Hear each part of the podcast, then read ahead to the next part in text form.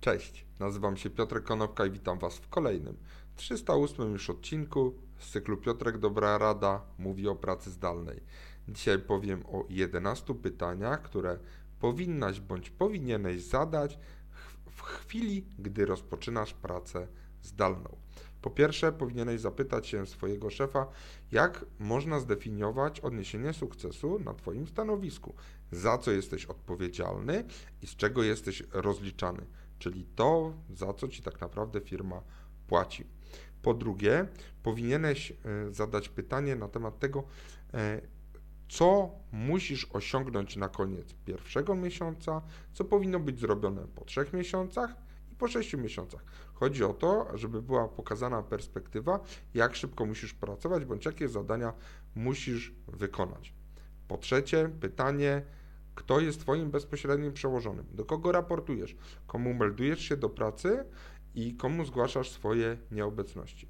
Czwarte pytanie to dotyczy tego, jak współpracujesz w zespole, jak wygląda komunikacja na co dzień, jak wyglądają e, na przykład cotygodniowe spotkania e, z zespołem, bo to wszystko będzie wpływało na to, z jakimi kolegami i przy użyciu jakich narzędzi będziesz się komunikował. Piąte pytanie to jest e, takie prośba o podpowiedź, na kogo należy zwracać uwagę, na kim należy się wzorować, e, co robią najlepsze osoby w zespole, żeby osiągnąć swoje cele.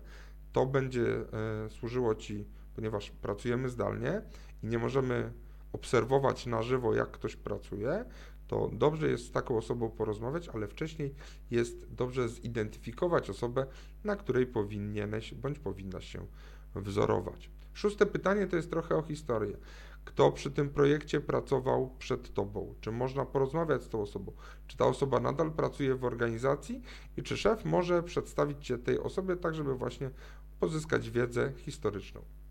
Siódme to jest pytanie bardziej techniczne. Do jakich folderów warto mieć dostęp, z jakich plików, z jakich template'ów można y, korzystać lub powinno się korzystać.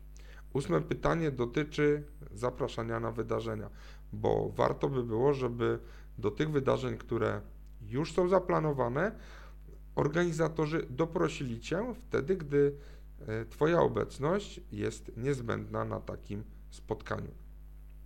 Dziewiąte pytanie dotyczy również harmonogramowania, bo warto się zapytać o deadlines czy kamienie milowe, tak zwane milestony, które pojawiają się czy będą się pojawiać przed Tobą i w jakim horyzoncie czasowym. Dziesiąta, dziesiąte pytanie i dziesiąta kwestia to jest kwestia tego, jak wygląda organizacja wokół Ciebie. Czy jest na przykład e, zaktualizowany jakiś wykres organizacji, w której pracujesz? Czy jest lista osób w zespole, z którymi współpracujesz? O to też warto poprosić. I jedenaste pytanie to jest o to, jak wcześniej to było robione.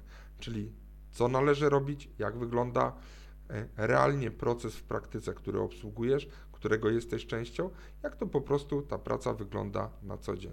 To też pozwoli Ci lepiej sobie zaplanować to, co będziesz robił w kolejne dni. Dzięki serdeczne, do zobaczenia i usłyszenia jutro. Na razie.